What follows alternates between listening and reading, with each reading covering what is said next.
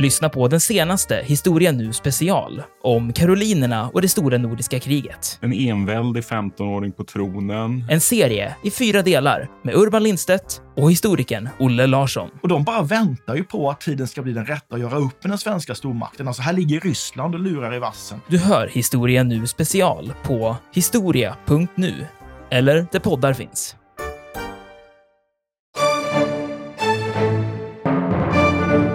Och när Paulus kommer dit och börjar predika kristendom, då tänker souvenirförsäljarna och framförallt producenterna av små silvertempel att det här bådar illa för vår näring. Det är inte bra med... Så man sätter igång ett pöbelupplopp så att stadens myndigheter måste ingripa och stadens myndigheter tycker att ja, men ni överdriver det här. Alla i hela världen vet att vi har världens bästa tempel och det är jättestort och jättefint. Det här är inget problem och dessutom vi gillar inte att ni startar pöbelupplopp. Vi gillar inte att någon startar upplopp. Så nu skingrar ni er och så tar vi det lugnt. Och så slutar den här egentligen banala historien.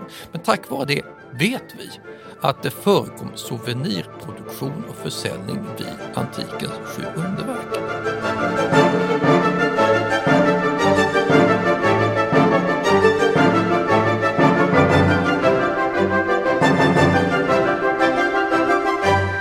Välkomna till Harrisons dramatiska historia med mig Dick Harrison som är professor i historia vid Lunds universitet och Katarina Harrison Lindberg som är gift med Dick och eh, sitter och skriver böcker framför skrivbordet hemma i vanliga fall. 10-15 meter från mitt skrivbord. Men nu sitter vi här i en studio i Lund och ska prata om antikens sju underverk som man skulle resa runt och turista till redan under den hellenistiska eran.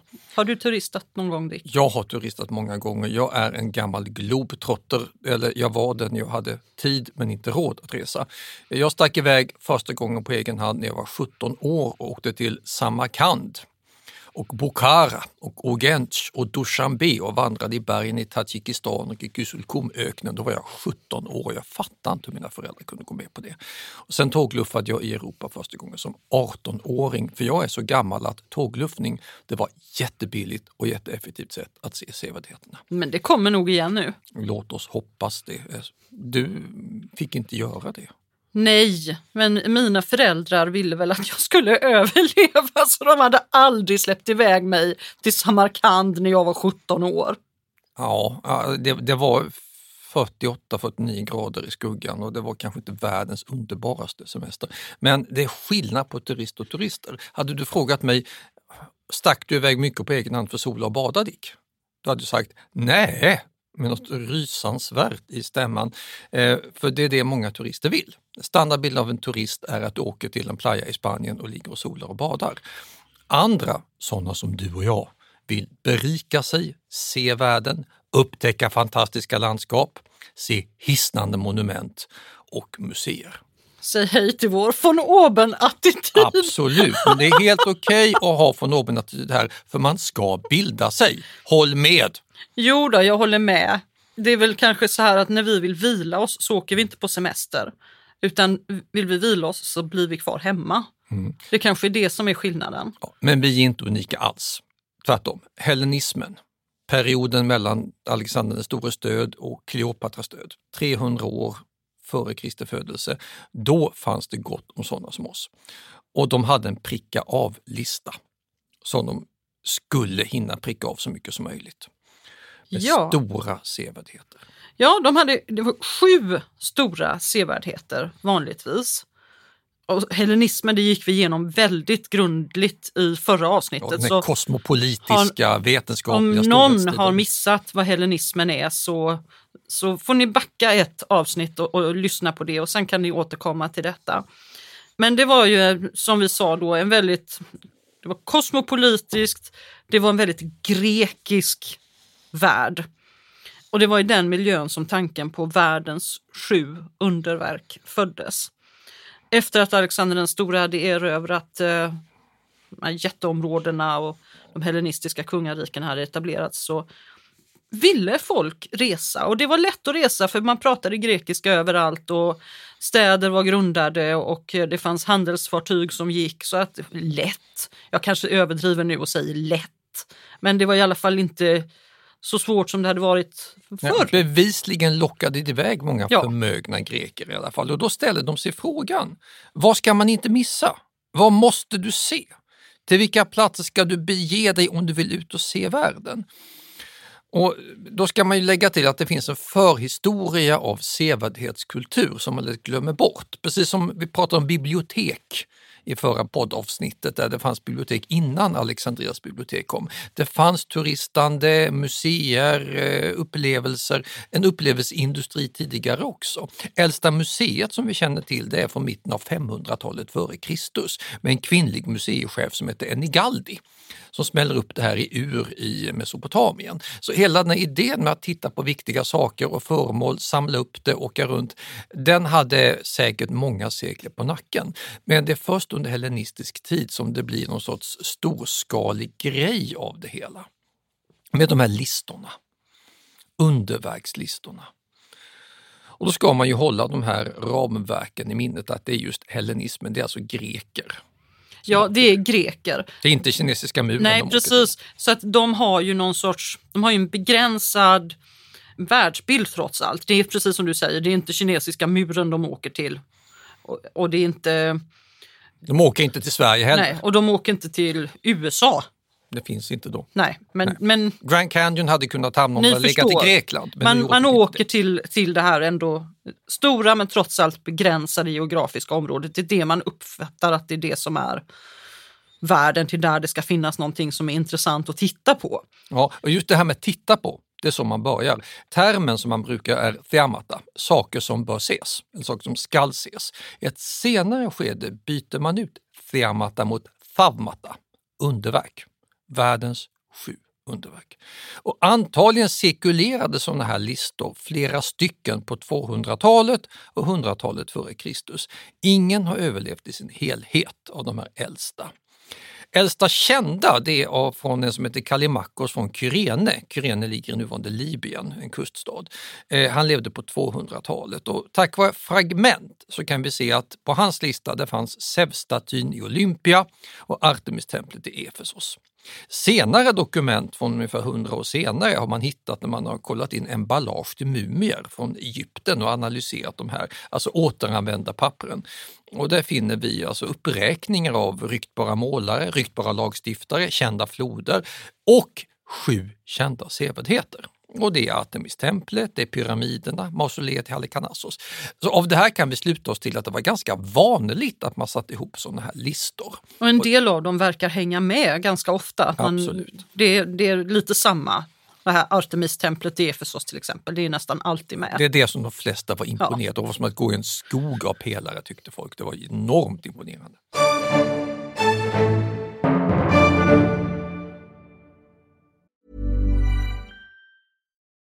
Millions of people have lost weight with personalized plans from Noom, like Evan, who can't stand salads and still lost 50 pounds.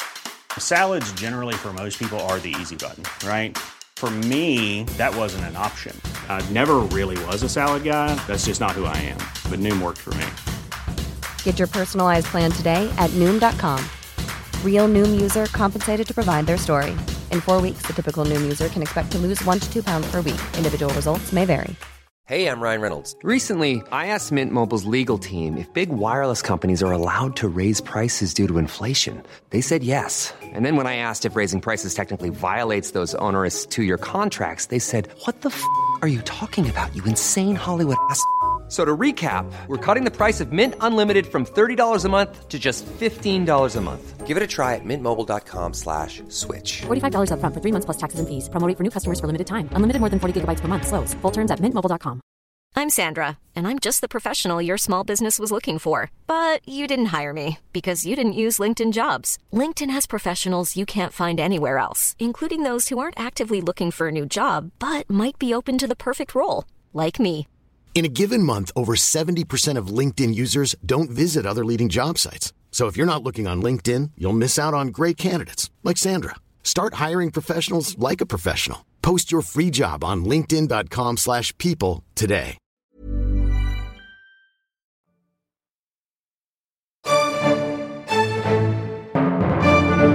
Så listorna var kända och eh, lite lika med vissa variationer.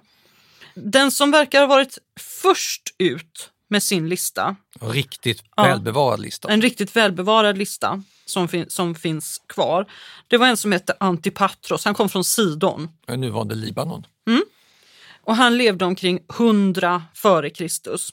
Och han räknade upp sju monument som han var stolt över att ha sett. Eller han påstod i alla fall att han hade sett dem. Och den här texten, hans Antipatros från Sidons text, den eh, hamnade så småningom i eh, ett samlingsverk som heter Antologia Palatina.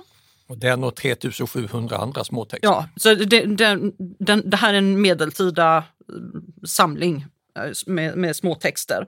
Och eh, det här är alltså vad Antipatros från Sidon skrev angående vad han hade sett. Jag har betraktat murarna från det ointagliga Babylon längs vilka stridsvagnar kan tävla i kappkörning och Zeus vid Alfeus flodbanker. Jag har sett de hängande trädgårdarna och Helioskolossen samt de stora berg i form av upphöjda pyramider som har skapats av människor och Mausolos jättelika grav. Men när jag såg Artemis heliga hus som tornar upp sig mot molnen, då beskuggades de andra verken, ty solen själv har aldrig skådat dess like utanför Olympen.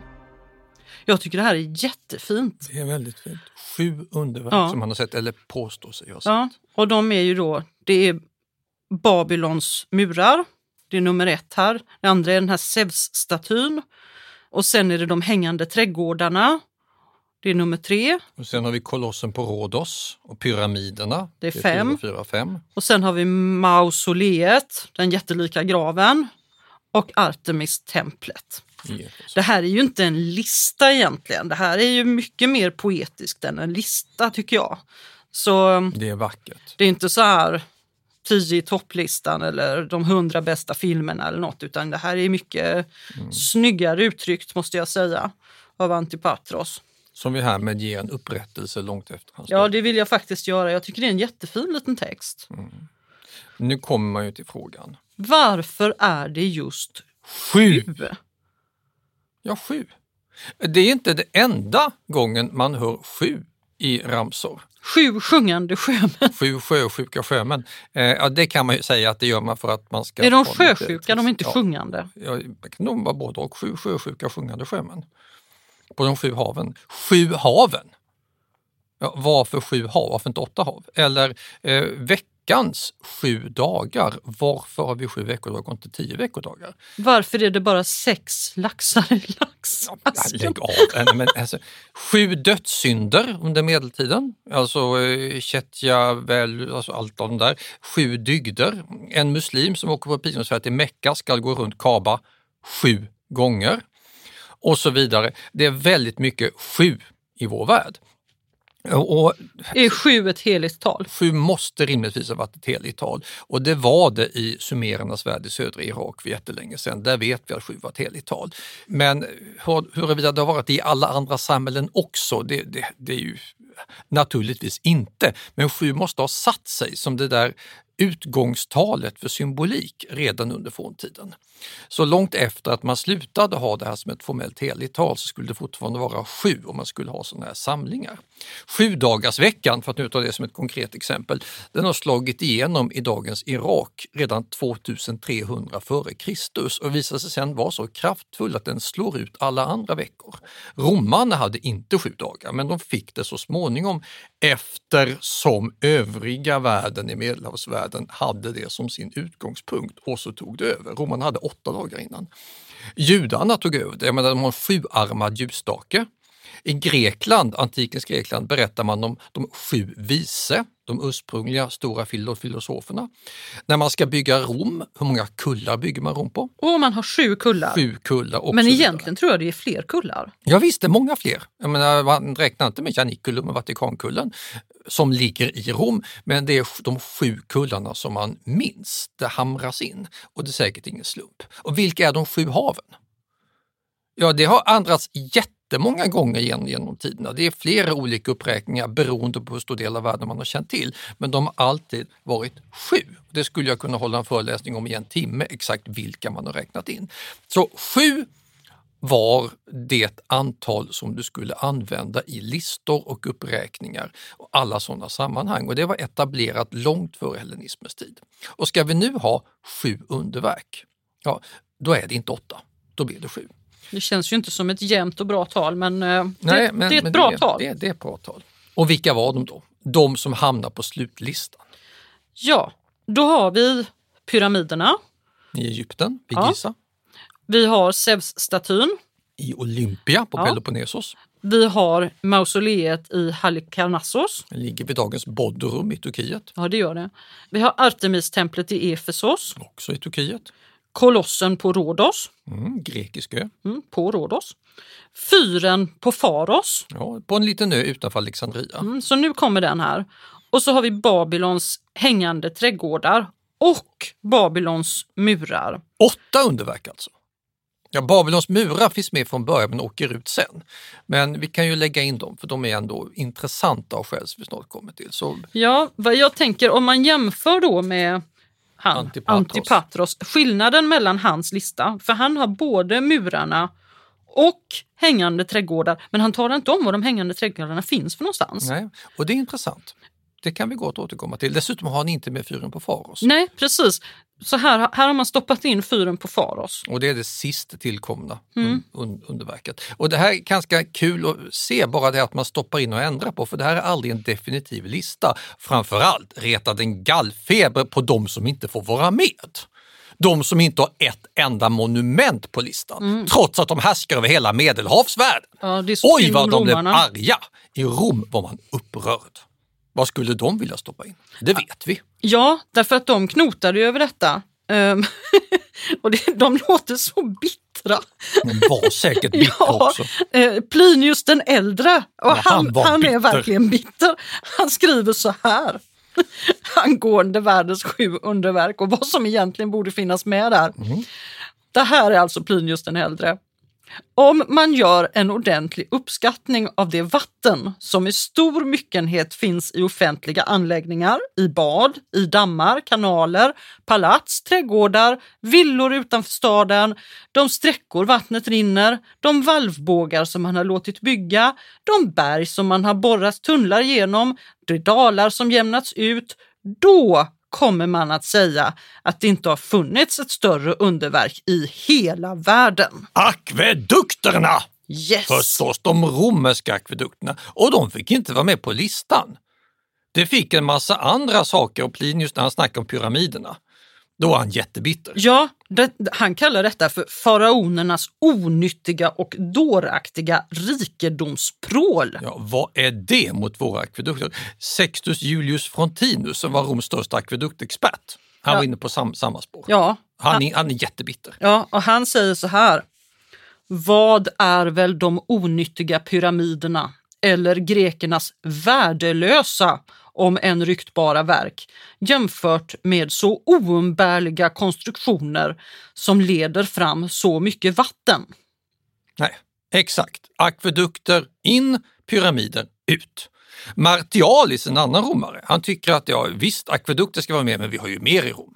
Ja, han tyckte att den flaviska amfiteatern i centrala Rom skulle varit med. Det som Colosseum. vi kallar för Colosseum, ja. Och den, han vann ju i slutändan. Senast omröstningen om nya underverk kom Colosseum i. Han hade varit jätteglad. Så det var alltså kritik och nya förslag att stoppa in saker på listan hela tiden. Sen kommer kristendomen in och eh, de kristna skribenterna på 400-500-talet vill ju ha in sina grejer. Alltså Noas ark, ett underverk. Tyvärr osynligt. Ja, det är klart att Noas ark ska vara med på listan. Ja, och Salomos tempel och annat. Så man håller på hela tiden. Det sista som kvalar in på riktigt, som alla håller med om att ja, det ska vi ha, är fyrtornet på Faros. Men det är först under renässansen som man slår fast den slutgiltiga sjulistan. Men nu har vi snackat nog med listor. Vi tar oss an underverken ett efter ett. Ja, Vad kan man åka och titta på idag som faktiskt finns kvar någorlunda intakt? Jo, bara ett enda. Vi besökte pyramiden. pyramiderna för inte alls länge sedan, efter första säsongen av vårt poddavsnitt. Ja, då då vi vi avslöjade att du hade legat i Kefrens pyramid. Ja, precis, en det av kunde jag inte göra nu för det står en vakt emellan. Mm, nej, nu, och nu var det mycket mer folk där. Men vi har, vi har besökt det här underverket alldeles nyligen faktiskt och vi kan rapportera att de står kvar. De är fortfarande väldigt imponerande. Ja, man kan kila in och titta i några gravkammare i alla fall. Och en sak som jag tänker, det här nämnde inte vi när vi pratade pyramider i, förra säsongen. För då pratade vi om de här tre som finns där som är så kända som alla har sett på bilder. Men det finns massor med pyramider i Egypten. Långt ifrån alla öppna för allmänheten, men det första riktigt stora häftiga pyramidbygget, trappstegspyramiden i Saqqara, den kan man gå in i. Och den är värd ett besök. Den är absolut värd ett besök. Mycket större än man tror. Mm, Men alltså, det finns ett, ett otal pyramider, fast alla är inte så imponerade som, som, som de här tre då som var som hör till underverken. Nu behöver vi inte prata så vast mycket mer om pyramiderna för de har vi tagit upp i tidigare avsnitt. Utan jag tycker att vi går vidare till det mest osynliga och mystiska av alla de här underverken, Babylons hängande trädgårdar. Ja, Babylons hängande trädgårdar, de kan man ju verkligen fundera över. Babylon har ju två underverk, man måste ju ha varit väldigt imponerad av den här platsen. Och de hängande trädgårdarna, det ena är murarna som, som vi tar om en stund, men, men de hängande trädgårdarna de är väldigt omdiskuterade. För att numera är man inte ens en gång säker på om de har funnits. Därför att man har inte hittat några som helst rester av de här. Nej, och då är de ändå väldigt väl beskrivna för folk var imponerade av dem av det skäl som Plinius och Fontinus och romarna hade varit för det här var ingenjörskonst. Ja, och man, därför man satt upp dem. Precis. De skildras i antik litteratur.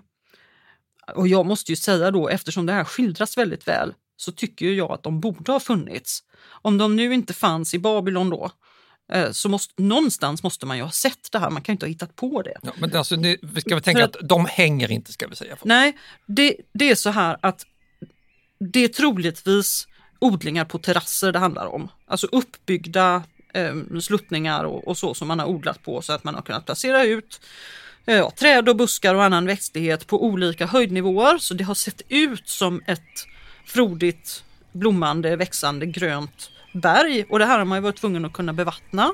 Så man måste ha haft någon sorts bevattningssystem för att kunna sköta om det. Och, ehm, och det måste ju ha varit enormt imponerande i ett ökenland. Ja, det måste ju ha varit väldigt, väldigt imponerande. Men man har alltså inte hittat några rester av detta alls. Nej, det finns många myter om det. De har byggt som det är en kung som är gift med en kvinna från bergsområdet och för att hon inte ska känna hemlängtan så bygger han upp ett berg mitt i stan och så vidare. Då. Sådana myter finns med olika namn på kungarna och drottningarna. Ja, man har också framfört att eh, det kan vara så att kanske fanns de egentligen inte i Babylon utan att de fanns i den assyriska huvudstaden Nineve jag inte någon form Det här är ganska kul för det är en modern, ny hypotes. Stefan Idelli la fram den där för inte så länge sedan. Och skälet till det är att vi vet att en kung i Assyrien, Sanherib, regerade mellan 704 och 681 f.Kr.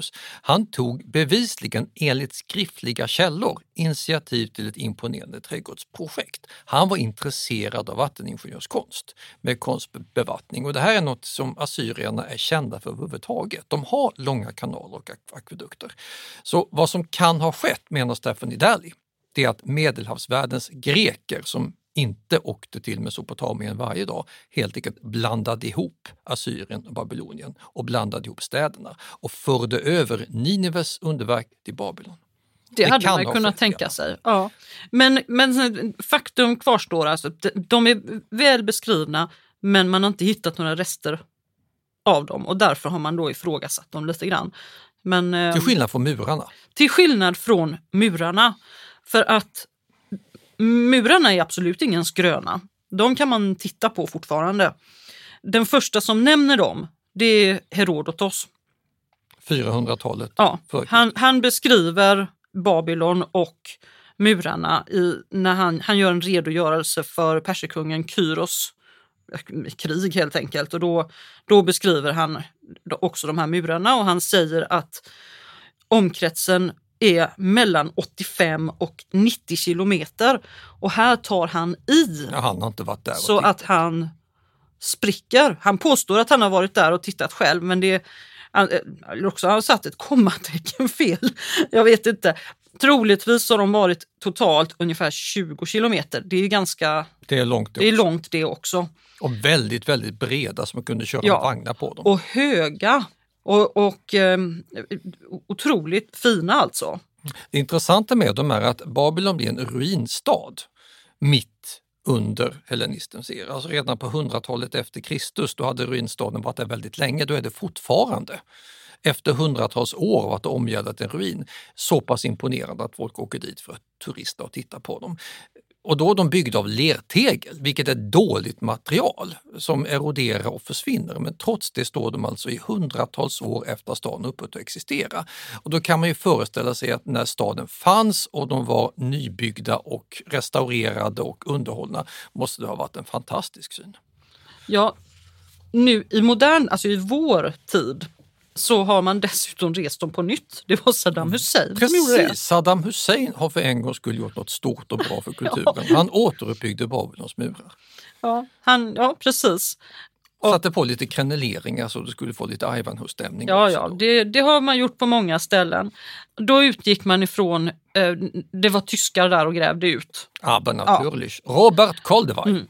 I början av 1900-talet. Och, eh, eh, så man utgick ifrån hans utgrävningar när man gjorde de här nya. Men då är det kopior. Ja, ja, precis. Om man nu vill se originalet, för vi sa att de finns ju kvar, då åker man alltså inte till Irak. Nej, då åker man förstås till Tyskland. Man åker till, Till Berlin. Berlin. Precis, och, Och- där kan man se den. Man kan säga mycket om Berlin, men om det finns någonting eh, som är så här, det här gör att Berlin är värt resan, då är det detta tycker jag. Om man inte ser någonting annat så är det det här. Ishtarporten, Ja, precis, som man smugglade ut I i början av småbitar. 1900-talet och sen byggde upp intakt och redan det är imponerande. Mm. Riktigt rekonstruktionsunderverk och det går inte att inte imponeras av det. Och det har man kunnat se och imponeras av sedan 1930. Det är alltså på 20-talet tyskarna gör det här under Weimarrepubliken. Och då kan man inte storleksmässigt göra om Babylon, för då hade man fått bygga alltså, den här hallen i museet, Pergamonmuseet, mycket, mycket högre. Men du ska då ha en processionsväg som är 250 meter lång och det kan du inte få. I ett museum är det svårt att... Och sen 20-24 meter bred också funkar inte. Men du får någon sorts miniatyrkopia av den. Mm. Och det är tillräckligt stort skulle jag säga. Och sen ska du egentligen ha en dubbelport med en mindre port och sen en större pampigare port bakom. Och det skulle tyskarna i teorin ha kunnat göra för de snodde med sig allt det här. Men de fick inte plats, det fanns inte nog med utrymme i det här jättestora museet för att bygga allt det här. Så du får bara se den främre porten, men det räcker för att du ska bli imponerad. Och det här är ju, precis som du sa, det är en enorm sevärdhet. Det är värt ett pris. Ja, Och det är fortfarande ett underverk. Det är, alltså, det är här in, inte, inte ett trist lertegelsverk om du bara tittar på tegel, utan det är glaserat tegel. Ja, det, det ska vi ju säga. När vi säger lertegel, det låter ju väldigt ljusbrunrött och tråkigt, men det här är ju ett glaserat tegel. Så att det- Blåglaserade tegelplattor. med, och, det, och det är djur och grejer, så det, det är väldigt häftigt. Om du nu tycker att det är jobbigt att åka till till Berlin så finns det ett alternativ. För eh, enstaka av de här lertegelplattorna spreds ut till andra museer över världen. Du kan åka till Louvren i Paris, Kunsthistorisches Museum i Wien, Ny Carlsberg Glyptotek i Köpenhamn eller om du vill ta en paus från Universium och Liseberg så kan du gå in på Röhsska museet i Göteborg. Så det finns en liten rest av ett av världens sju underverk i Göteborg. Det tycker jag är häftigt. Ja.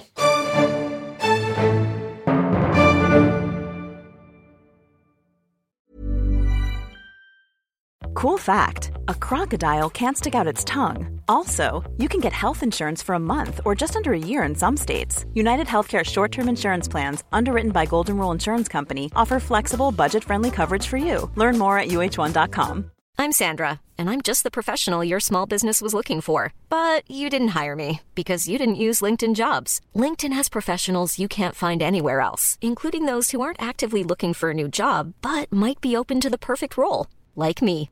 In a given month, over 70% of LinkedIn users don't visit other leading job sites. So if you're not looking on LinkedIn, you'll miss out on great candidates like Sandra. Start hiring professionals like a professional. Post your free job on linkedin.com/people today. Millions of people have lost weight with personalized plans from Noom, Like Evan, who can't stand salads and still lost 50 pounds. Salads, generally, for most people, are the easy button, right? For me, that wasn't an option. I never really was a salad guy. That's just not who I am. But Noom worked for me. Get your personalized plan today at Noom.com. Real Noom user compensated to provide their story. In four weeks, the typical Noom user can expect to lose one to two pounds per week. Individual results may vary.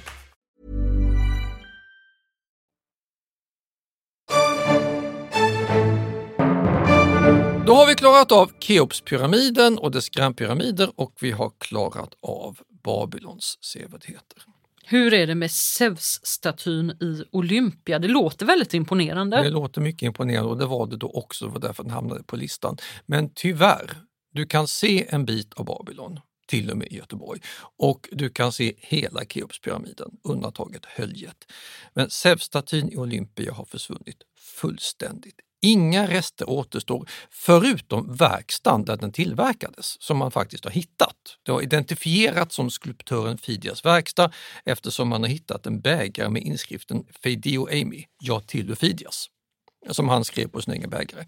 Så vi vet var den tillverkades. Vi har också hittat verktyg för guld och elfenbensarbete, lämningar av elfenben, ädelstenar och gjutformar. Men, men Dick, hur, vet vi att det var Fidias som gjorde statyn då? Så pass mycket känner vi till av antikens enormt uppskattande beskrivning av hur detta gick till, när den gjordes, vem som gjorde det, varför man inkallade honom och vi vet, kan tidfästa det på året också när det här skedde.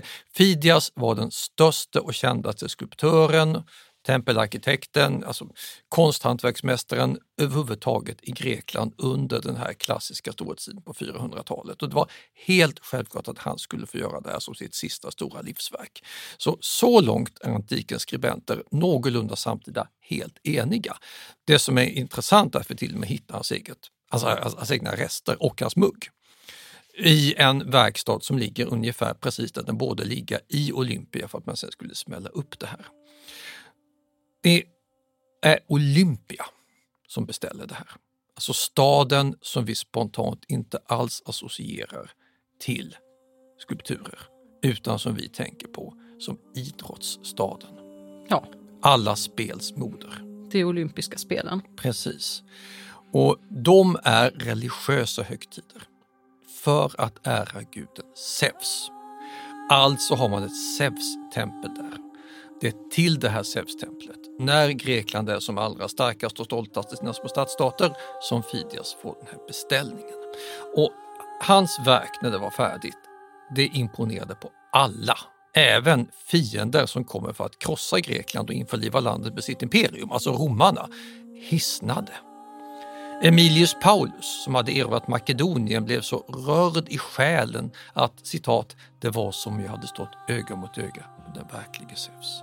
Dion Chrysostomos, en grekisk talare som lever flera sekler senare, skriver att även de själlösa djuren skulle slås av häpnad om de så bara fick se en kort glimt av den underbara statyn. Det här hade man velat se, eller hur? Plotinos, en nyplatonsk filosof, nu är vi på 200-talet efter Kristus, säger att när Fidias gjorde Zeus utgick han inte från en modell som man kunde uppfatta med sinnena, utan från en föreställning om hur guden skulle ha sett ut om han hade valt att visa sig för våra ögon.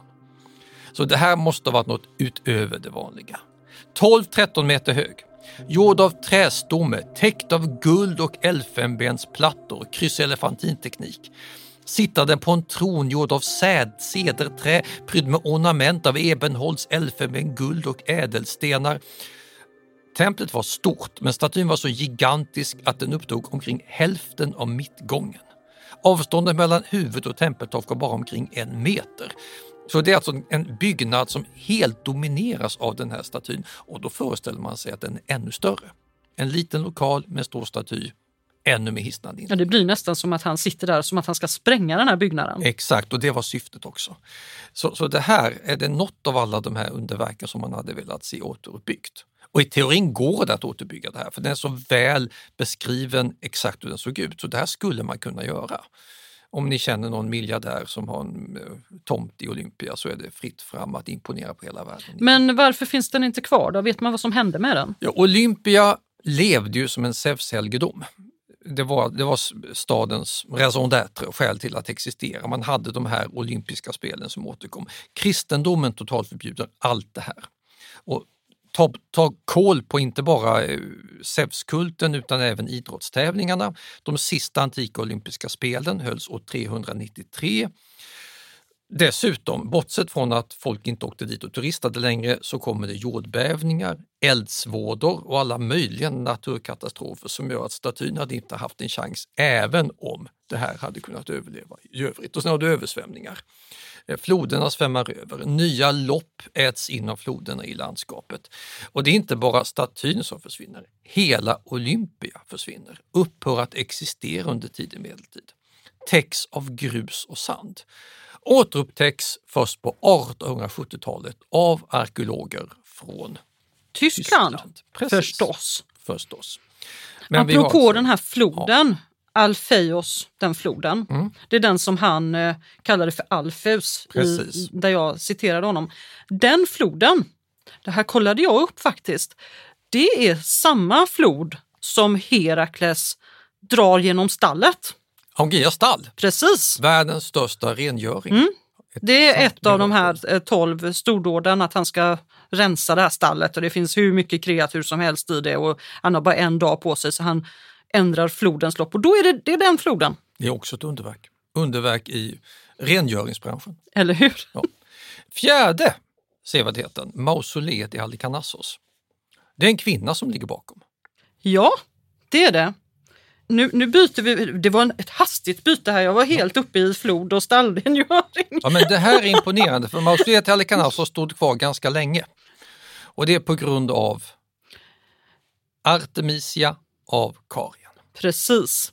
Som bygger det här, enligt historien så bygger hon det här jättemausoleet, alltså gravmonumentet över sin avlidne man. Han hette Mausolos alltså mausoleum. Mm, en av de få personer som har fått ge namn åt Jag insåg att om jag, om, om du skulle ha den stora oturen att dö före mig och jag ska bygga ett gravmonument över dig, då blir det ett dikoleum. Ett dikoleum, vad häftigt. Ja, Katarineumet ifall det ja, blir tvärtom. Men dikoleum är lite... Redan det här är alltså intressant. Det var ett så imponerande enormt gravmonument att hans namn gav namn åt hela typen av byggnad, ett mausoleum av Mausolos. För det var så många som imponerades av det, ville bygga något liknande, åkte dit och turistade och det fick stå kvar mycket längre än de flesta andra monument också. Och det här byggnadet det, det låg alltså då i Halikarnasso som idag ligger i Turkiet. Ja, det kanske vi sa förut. Mm. Nu är det så att det är säkert inte så att hon basar över hela Nej, den Hon, hon lever ganska så. länge, det är några få år. Utan troligen så är det deras gemensamma gravmonument som mm. de håller på med i decennier för det är så enormt stort. Men grejen var, man byggde det på en kulle och där gjorde man, man, man anlade en plattform av sten mitt på en borggård. Och för att komma upp till den här plattformen som var, ja, runt om så stod det gudar och gudinneskulpturer och stenkrigare till häst och sådana här saker. Så, så, men för att komma upp så gick man på en trappa som flankerades av lejonskulpturer. De, de har verkligen brassat på här med pynt. Och själva gravbyggnaden sen den var eh, fyrkantig, tillverkad av marmor och prydd med reliefer med, ja, det var strider mellan kentaurer och Lapiter, vad är lapiter? Ja, det är ett märkligt folk som utkämpar mytiska strider mot kentaurer. Det var sånt favoritmotiv. Stora väldiga människor som slåss med hästmänniskor. Det tyckte man om att pynta alla tempel med. Så det är klart man ska ha det där också. Ja, det är klart. Men du har amazoner dessutom förstås. Kvinnor, ja. krigare, alla ska slåss här. Alla, eh, de, hade, de hade mycket slagsmål på, på sitt gravmonument. Vad vet man om Mausolos? Var han en stridis? Han tillhör en familj, de är släkt med varandra. Det är bröder och systrar som gifter sig med varandra och sitter och härskar i eh, ett par generationer. Och de är vasaller under perserkungen. Det vill säga de kan inte kriga lite som de vill utan de karvar ut sitt eget litet rike under Irans överinseende. Och vad vi vet om dem i övrigt är att de var greknördar. De är karier, ett indoeuropeiskt mm. folk men inte greker. Och de ser framförallt till att ta över de grekiska kulturella traditionerna. Och i Grekland där kände alla till kentaurer och lapiter, alltså du hittar dem på monument i ja. Aten också. Så de plockar över traditionella grekiska typiska bilder för att visa att vi är ännu mer grekiskt fina än grekerna själva. Det är ett väldigt helleniserande monument och det är stort. Ja. Det är det som är det viktiga. Det är jättestort. Om man, sen, om man nu räknar ihop allting och så kommer man hela vägen upp till taket, då blir det alltså mellan 45 och 50 meter högt. Ja, och det är jättemycket. Det är jättemycket. Det är som om man tänker sig en katedral. Ja, fast helt med marmor, proppfulla ja. med sånt här pynt. Gjorda av dåtidens främsta skulptörer som man headhuntar för att det verkligen skulle bli jätteimponerande. Och uppe på taket så stod det också en skulpturgrupp med Mausolos och någon annan, kanske hans hustru då, kanske Artemisia. Eller någon gudomlighet. Eh, han, de här stod i alla fall i en vagn som drogs av fyra hästar. Och det här kan man titta på under hela antiken, ja. nästan hela medeltiden. Och hade det inte varit för jordbävningar så hade det säkert stått kvar. För det, det är därför vi vet så väl hur det såg precis, ut. Och det finns ingen som har något skäl att vräka ner och förstöra det här. Det är först efter att jordbävningar har sabbat allt som man börjar använda det som byggnadsmaterial. Men då är vi inne på 1300-1400-talet, ja. så under nästan hela medeltiden. Hade man, man haft lite tur så hade det stått ja. Om det inte hade sprängts för att någon hade lagt krut i det. Sen kommer johanitriddare och använder det som kalkbrott, men då är alltså det mesta redan förstört. Och sen ligger det då i träda till mitten av 1800-talet då man hittade och började gräva ut det och britterna plockar med så mycket de bara kan till British Museum i London där du kan åka och titta på Mausolos och personen bredvid honom än idag. Det är som vanligt, det är britter som är där. Sen har man byggt upp repliker av det här Mm. lite överallt. Och de hittar du i Australien, Japan, New York, St. Louis, Cincinnati, Los Angeles i olika storleksvarianter eftersom det är så känt hur det såg ut. Eh, Så det här kan man alltså se repliker av lite överallt i hela världen. Det är inget okänt mausoleum på det sättet. Men om man åker till den här platsen då, vad finns det där idag? Nästan ingenting eftersom eh, johannitriddarna var så envetet noggranna med att använda det som ett kalkbrott. Så platsen i sig, där har man minnen efter johanniter och turkar i form av fästningar. Mm. Och de fästningarna inkorporerar en hel del av stenarna. Men du har ingen återuppbyggnad av mausoleet i Halikarnassos. Tyvärr. Det hade man annars sett som ett projekt inför framtiden. Mausoleet kom alltså få en stor, mycket stor byggnadshistorisk betydelse, gav namn åt en helt ny term och Mm. kom sedan att bilda skola för hur man skulle bygga väldiga monument som man sen kunde få ett plant över hela världen. 1800-1900-talet så köpte man det här i parti och minut överallt. Den här Antipatros från Sidon, han var ju mest imponerad av Artemistemplet i Efesos. Ja, han Var tyckte att det, det? slog ut allt Ja. det andra. För mig så är Artemistemplet i Efesos framförallt imponerad av ett annat skäl. För det är det vi vet allra mest om när det gäller just turismeffekten. Mm. Här har vi nämligen folk som har rapporterat om souvenirförsäljning, turistande och även rädsla bland souvenirtillverkare för att det ska gå dåligt för affärerna. Och det här vet vi av en slump eftersom Paulus valde att åka dit och hans äventyr i Efesos rapporteras i Apostlagärningarna. Och det är en sån här god källa i sammanhanget, för det är sånt som nämns i förbigående. Att Paulus fick på brev där berodde på grund av att, och så nämner de en liten utvikning som visar turistindustrin som den såg ut i Efesos. Det var alltså ett Artemistempel, många åkte dit för att titta, de ville ta med sig ett minne därifrån. Och då hade man bland souvenirförsäljarna börjat beställa små tempelkopior av silver som krämarna prånglade ut på gatorna och i bodarna i Efesos. Och när Paulus kommer dit och börjar predika kristendom, då tänker souvenirförsäljarna och framförallt producenten av små silvertempel att det här bådar illa för vår näring. Det är inte bra med... Så man sätter igång ett pöbelupplopp så att stadens myndigheter måste ingripa och stadens myndigheter tycker att ja, men ni överdriver det här. Alla hela världen vet att vi har världens bästa tempel och det är jättestort och jättefint. Det här är inget problem och dessutom vi gillar inte att ni startar pöbelupplopp. Vi gillar inte att någon startar upplopp så nu skingrar ni er och så tar vi det lugnt. Och så slutar den här egentligen banala historien. Men tack vare det vet vi att det förekom souvenirproduktion och försäljning vid antikens sju underverk. Och det tycker jag är egentligen något av det roligaste vi får fram här, för det här inser jag, det gjorde man säkert vid pyramiden också. Det gör man Och fortfarande vid pyramiden. Det här är alltså ett modernt beteende som vi har belägg för redan under antiken. Det var verkligen turistsevärdheter. Sen, det här templet det var alltså något, något i hästväg och det var det just på grund av att det hade haft problem och bränts ned och förstörts upprepade gånger och varje gång det skedde byggde man upp ett ännu större tempel efteråt. Så att man hade, man hade sin egen tidigare tempelproduktion att försöka slå. Hmm. Eh, kung Krösus då, Kroisos, Ja, han. han, han försöker då bygga upp ett tempel som ersättning för ett annat tempel och han investerar i det och det blev jättestort och jättekänt, så känt att en man vid namn Herostratos bestämmer sig för att bränna ner det bara för att bli känd. Det är hans grej. Väldigt han vill smart. göra något väldigt stort så att han ska bli känd och istället för att skjuta en president eller döda en kung så bestämmer han sig för att bränna ner världens största tempel och lyckades. Straffet var att det skulle han dödas men också skulle hans namn utplånas från alla skrifter. För som straff skulle ingen få komma ihåg honom. Men Ja, det måste ju ha gått sådär. Just därför var det någon som rapporterade att det var ett lustigt straff han fick, den där Herostratos. Mm. Herostratisk ryktbarhet, det är att eh, bli känd för att ha gjort något riktigt dumt bara för att man vill, vill bli känd. Efter det bygger man upp det igen. Det känns som ett ord som eh, vi behöver ta till oss lite grann. Herostratisk ryktbarhet, exakt. Men på grund av det här så eh, byggde man då upp tredje versionen av templet och det blev 137 meter långt, 72 meter brett, 18 meter högt och med fler än 127 kolonner. Så det måste varit som att gå i en skog av pelare. Och sen var templet mycket, mycket större än alla andra tempel i den då kända världen. Och jag förstår att Antipatros av Sidon tyckte att det här slog alla andra. Och idag kan man inte se någonting. Jag tänkte precis säga, hur gick det med det då? Finns det någonting man kan titta på? Ja, de, eh, korkat nog så var det här i östra medelhavet med jordbävningar och flodomlopp som ändras.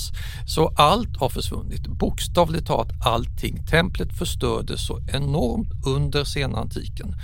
Efter att kristnandet hade kommit och jordbävningar och andra förändringar i terrängen hade dragit fram. Till saken hör att det här var byggt på en dum plats Mm. som var lätt utsatt för översvämning och erosion och det bidrog också. Det låg utanför det egentliga Efesos. Så det finns ingenting kvar att se. Ingenting. Mer än de ruiner som man hittade när man i mitten av 1800-talet grävde sig igenom hela Efesos-trakten och därefter plockade över till British Museum i London. Så den som åkte till British Museum kan se ganska många antika sevärdheter från gamla sjundeverk på en och Jag samma tycker gång. att man ser ju ett mönster här. Om det inte är British Museum, då är det Berlin. Ja, men här var tyskarna snabbare. Dock inte helt snabbast, det finns en del i Wien också, i Efesosmuseet. Men du, du kan alltså se rejäla lämningar av det här, liksom Halikarnassos mausoleet om du åker till London. Mm. Så de här två sevärdheterna, mausoleet och Artemistemplet, är inte helt försvunna. De finns kvar i form av små rester som man kan titta på på museer. Till skillnad från vårt sjätte underverk. Ja, Det kolossen på Rhodos. Och den var kolossal. Ja, den var kolossal, men den finns inte alls kvar. Den historien är denna, att folket på Rhodos byggde den här efter att de hade stått emot en belägring åren 305 till 304 f.Kr. Och ja, de klarade sig och kvar på platsen efteråt så fanns det belägringsmaskiner, utrustning, trasiga vapen och annat som, som hade ja, lämnats kvar helt enkelt. Och en del av det här, det var sånt som man kunde sälja och då fick de in pengar. Och annat var väl så trasigt som man inte direkt kunde använda det och det kunde man då ja, smälta ner och, och använda metaller och, och annat, som, ja, annat material. Och av det här bestämde man sig för att man skulle bygga en kolossal staty av solguden Helios. Som då är Rhodos skyddsgud. Ja, precis. Och ehm, och det här börjar man med några år efter, det tar lite tid, så några år efter 292 f.Kr. Så börjar man genom att bygga en 15 meter hög marmorplattform. Den var, alltså tänk att man kan måtten alltså, ungefär, minst i alla fall 18 meter i diameter, alltså tvärs över. Och antingen var den helt cirkelformad eller möjligtvis var den oktagonal, alltså som ett stopptecken Mm eh, till, formen. Men eh, det, det vet man inte. Man inte vet var statyn stod. Nej, man vet inte ingen heller exakt var den stod faktiskt. Hur Och, stod, stod var hela kolossen då, när man var färdig? Då var den nog 32-33 meter hög. Det är mycket. Det är faktiskt mycket. Och eh, man börjar med att bygga som ett eh, skelett. Och sen så när man hade byggt det här skelettet det, så täckte man det ju med metallplattor och sådär. Och sen fylldes den med sten. Så den det måste, var ju fiffigt. ja, så den, de, man tänkte nog att den skulle bli hållbar av det. Det tog ungefär tio år för dem att bygga, bygga det här. Men man Eh, gjorde det tyvärr i östra medelhavsområdet. Ja, och vad hände där? Jordbävningar. Ja, där kommer det jordbävningar. Så den stod inte så länge. Den stod bara i drygt 50 år. Sen eh, rasade den. Det intressanta är att det är då den blir ett riktigt underverk, för sen ligger den kvar. Ja. Folk åkte och tittade på den när den var trasig. Det här kan man faktiskt se på film eh, med Charlton Heston i huvudrollen. Apornas planet, slutscenen. För Frihetsgudinnan i New York som ligger där trasig i slutscenen, den byggdes med exakt samma mått som kolossen på Rhodos. Och också med strålande solstrålar kring huvudet, liksom solguden Helios hade. Mm. Så den som vill se en eh, kopia så nära man kan av kolossen på Rhodos räcker det med att googla fram en bild på Frihetsgudinnan. Då får du tänka bort armen som håller upp en fackla för den fanns inte med från början. Men det är alltså samma dimensioner som Statue of Liberty. Och det är klart, även om det ligger nedrasat i hundratals år så blir det en sevärdhet i sig. Så det här var en ruin som man åkte och tittade på. Man tittar på en nedrasad staty. Och Men idag så- finns det nej, ingenting Nej, kvar. eftersom souvenirjägare stal rubbet. Och man vet ju alltså inte ens riktigt var den stod mer än att det var någonstans på, på Rhodos. Och då har vi kommit till vårt sista, sjunde underverk. Ja, nu är vi tillbaka vid fyrtornet på Faros. Mm, som är det sista av de underverken som kvalar in på listan. Trots att alla kände till det väl så var det här en närmast hantverksmässig vardagsgrej. För det var faktiskt ett fyrtorn byggt just av ett praktiskt skäl. Mm. Det är inte ett tempel, det är inget som man bygger för att hedra någon död kung utan det här bygger man bara för att det behövs. Alexandria är visserligen kul att bo i med svala vindar men väldigt jobbigt att segla in i. Du behöver veta var sandbankarna finns, du får inte missa hamninloppet och då bygger man en väldigt hög fyr för att det är ett praktiskt behov av det. Och det är ingen som spontant tänker på det som en sevärdhet på samma sätt som ett gammalt tempel.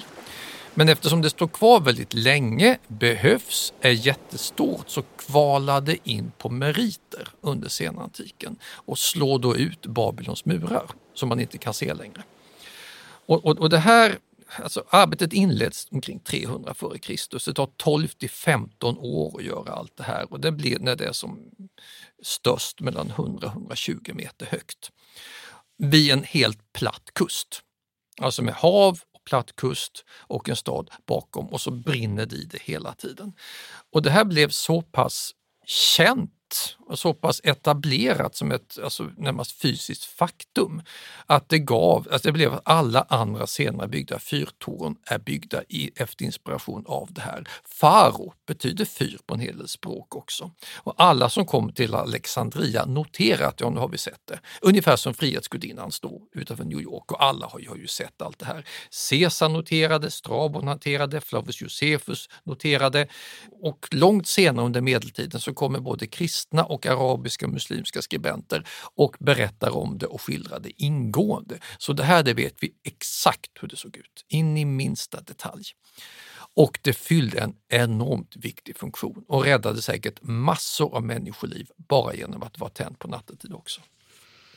Och den stod kvar. Den står kvar fram till 1300-talet och det är naturligtvis jordbävningar som ligger bakom att det blir svårare och svårare att se den. Den drabbas av massor av jordbävningar men byggs upp igen, rekonstrueras, restaureras tills det 1323 blir för jobbigt. För de har fått två jordbävningar i stöten. Mm. 1303 och sen 20 år senare. Vi har en marockansk resenär, Ibn Battuta, som åker och tittar på det här två gånger och han noterar att det är allvarligt skadat men jag kan fortfarande gå in i den kommer tillbaka något decennium senare. Ja, nu kan jag inte gå in, det är omöjligt. Och till slut så blev det här bara genant. Och då övergår man till att använda ruinen som stenbrott till att bygga palats. Så Men- idag finns det ingenting Men vissa delar av detta måste ju rimligen ligga under vatten. Precis. Och det finns planer, icke realiserade och väldigt dyra planer, på att bygga ett undervattensmuseum utanför Alexandria som man kan gå in i, alltså under vattnet. För där ligger det fortfarande kvar alla möjliga lämningar från palats och, antar jag, ett del från det här fyrtornet. Det hade ju varit jättehäftigt. Ja, det hade det varit. Där kanske Alexander den store ligger också då. Vem vet? Det slår mig att det vi har pratat om nu det är gammalt och nästan väldigt lite går att se Ja, idag. Keopspyramiden. Keopspyramiderna, eller Keopspyramiden och de andra pyramiderna där, de är ju ändå i Mm. okej skick. Men i övrigt så är det ju i bästa fall ruiner och i sämsta fall ingenting kvar. Precis. Behöver inte den här listan ses över kan man ju fråga då. Men det är många som har tyckt det. För några år sedan, 2007, hade man haft en stor omröstning, icke FN-sponsrad, inte Unesco, de kritiserade det här, utan en privatfinansierad omröstning som de lade fram sju nya segrande. Och det är Chichen Itza i Mexiko, Colosseum, Kristusstatyn i Rio, Kinesiska muren, Inkaruinerna i Machu Picchu, Petra i Jordanien och Taj Mahal i Indien. De vann omröstningen som världens nya sju underverk. Eiffeltornet fick stryk, liksom Timbuktu, Angkor Wat, Akropolis, Frihetsgudinnan, Neuschwanstein, Sydneys operahus och andra som folk inte röstade på lika mycket. Och det här blev ju superkritiserat. Argast av de arga var egyptierna som menade herregud, vi har ju redan ett underverk. Och för att få slut på egyptiernas berättigade vrede så lät man pyramiderna bli någon sorts hedersunderverk som fick stanna kvar fortfarande. Eh, Och det är lätt att vara kritisk mot allt det här. Ja, men det här måste väl mer ha varit en plojgrej? Nej, en, det eh, var väldigt, väldigt, eh, framförallt i Sydamerika så tyckte man att det här var väldigt viktigt. Ja, men att folk tycker det är viktigt betyder ju inte att det Ja, men jag tror att man tog riktigt. det på blodigt allvar. Jag satt i en tv-studio då och kunde se scenerna från Rio de Janeiro när man var så glad över att deras Kristusstaty hade vunnit som ett av världens sju underverk. Och menar, det är en grej av betong från Skånska cementgjuteriet som står högst upp. Ja, jag tänker det är lite som den här jätten som står vid Vätterns strand. Ja, jätten visst. Varför kommer inte den med? Det var I inga som röstade på den. När jag, när jag satt i tv-studion så sitter jag bredvid Ernst Billgren som är lika kritisk som alla vi andra och han säger att ja, den där Kristusstatyn, den hade jag och mina polare kunnat bygga på en weekend. Och han har antagligen helt rätt. Det står alltså i praktiken Ska vi vem som helst utmana honom och hans polare här nu? att göra det här, så varför inte? Men vad det här visar är ju att världens underverk sitter i skallen. Vi vill ha nya underverk. Vi vill, alltså begreppet har blivit, har överlevt underverken själva. Och vi kommer säkert att se nya försök att skapa jätteunderverk och nya listor. Och det är fritt fram att göra det. De här bittra romarna, Ja, de, Colosseum. de fick i alla fall in Colosseum där. Precis. Men inte någon akvedukten. Nej, Colosseum som man för övrigt ska undvika väldigt mycket att besöka om man är i Rom med barn och inte tycker om långa köer. ja det är en väldig kö Väldigt dit. Alla är där. Mm. Då kan man titta på akvedukter istället. Det var verkligen ett underverk. Mm. Eh, Kritikerna hade rätt där redan under antiken. Världens sju underverk alltså. Ja. Vad blir det nästa gång? Då tycker jag att vi närmar oss en eh, kvinnlig avslutningsfigur på den hellenistiska eran. Ja. Den kändaste av alla kvinnliga makthavare i den antika världen. Det är dags att möta drottning Kleopatra. Det blir spännande. Mm. Lyssna på oss då också. Tack för idag!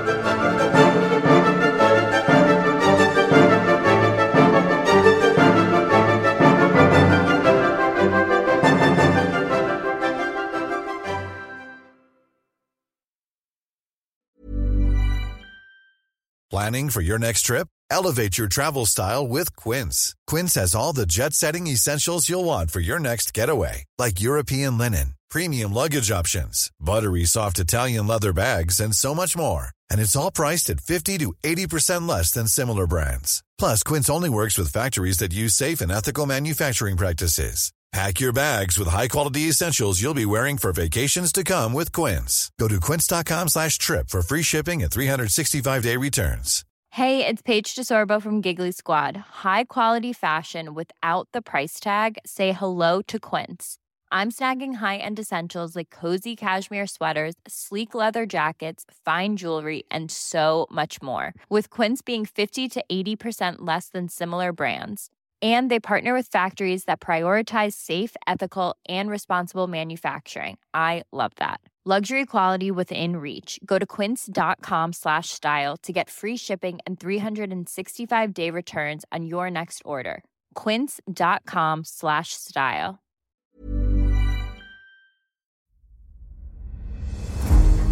Jakob de la Gardie är den enda svenska fältherre som lett en armé till Moskva och trätt fram inför tsaren. Bedriften gjorde honom till en av 1600-talets största befälhavare. Moskvas erövrare är den första biografin över Jakob de la Gardie, en av stormaktstidens portalfigurer. Historikern Peter Ullgren följer hans stormiga bana från den föräldralösa barndomen vid 1500-talets slut till maktens topp och den mullrande statsbegravningen i Stockholm 1652. Moskvas erövrare är utgiven av förlaget Historiska Media. Ljudboken finns tillgänglig hos streamingtjänster som Bookbeat, Storytel och Nextory. Beställ den fysiska boken på förlagets hemsida historiskamedia.se eller köp den i en bokhandel nära dig.